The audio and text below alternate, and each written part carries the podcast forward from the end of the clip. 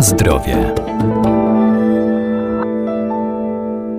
Co kryje w sobie żywność, którą spożywamy? Możemy to sprawdzić na etykietach. Tam muszą być zawarte wszystkie informacje dotyczące składników, jakie zostały użyte w procesie technologicznym, dlatego warto je czytać. To ważne także przy zakupie wędlin, w tym tak popularnych parówek.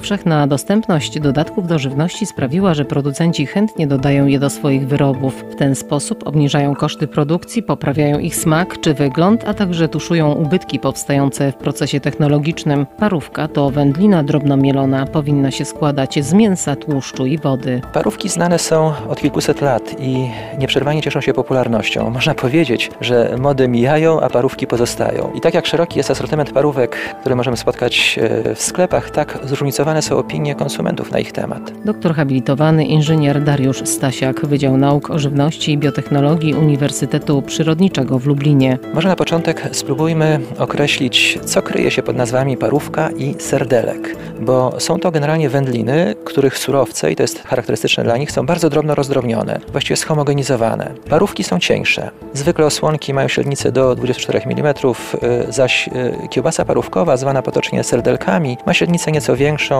zwykle około 28 mm.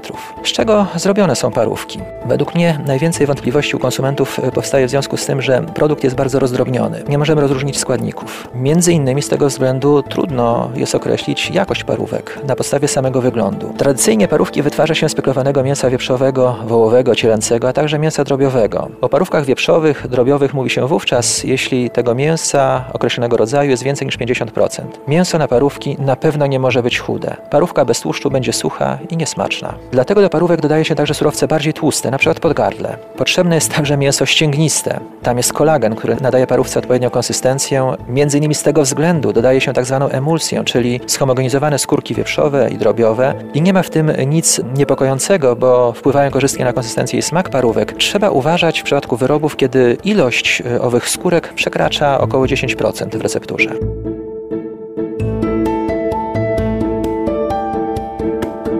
Na zdrowie.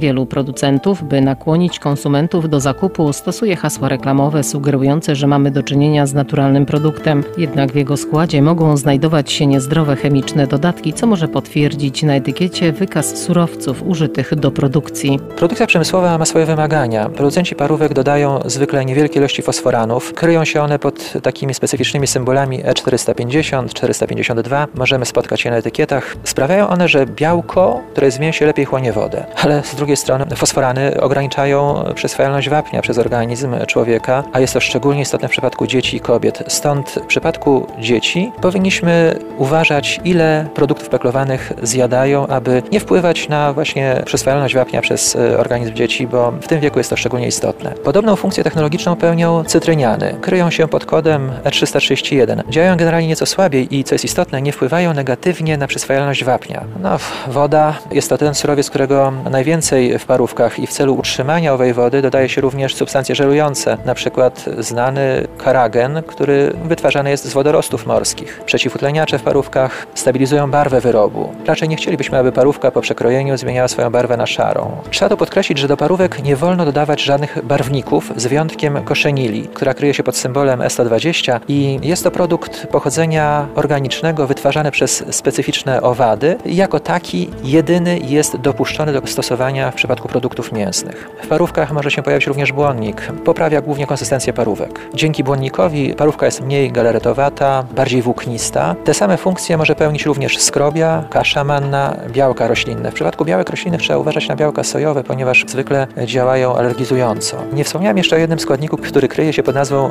mięso odkostnione mechanicznie, czyli w skrócie MOM albo MDOM. MDOM jest to mięso drobiowe odkostnione mechanicznie. Do jego produkcji wykorzystuje się resztki pozostałe na kościach po wykrawaniu mięsa. Takie kości miażdży się, wyciskając resztki mięsa przez sito i z tego względu mom jest bardzo nietrwały, łatwo ulega zepsuciu, a co jest istotne, z definicji wcale nie jest mięsem.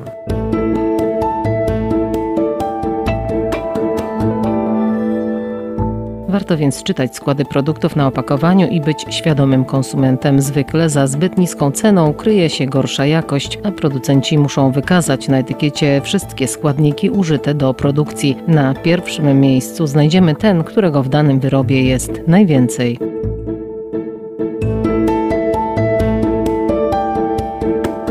Na zdrowie.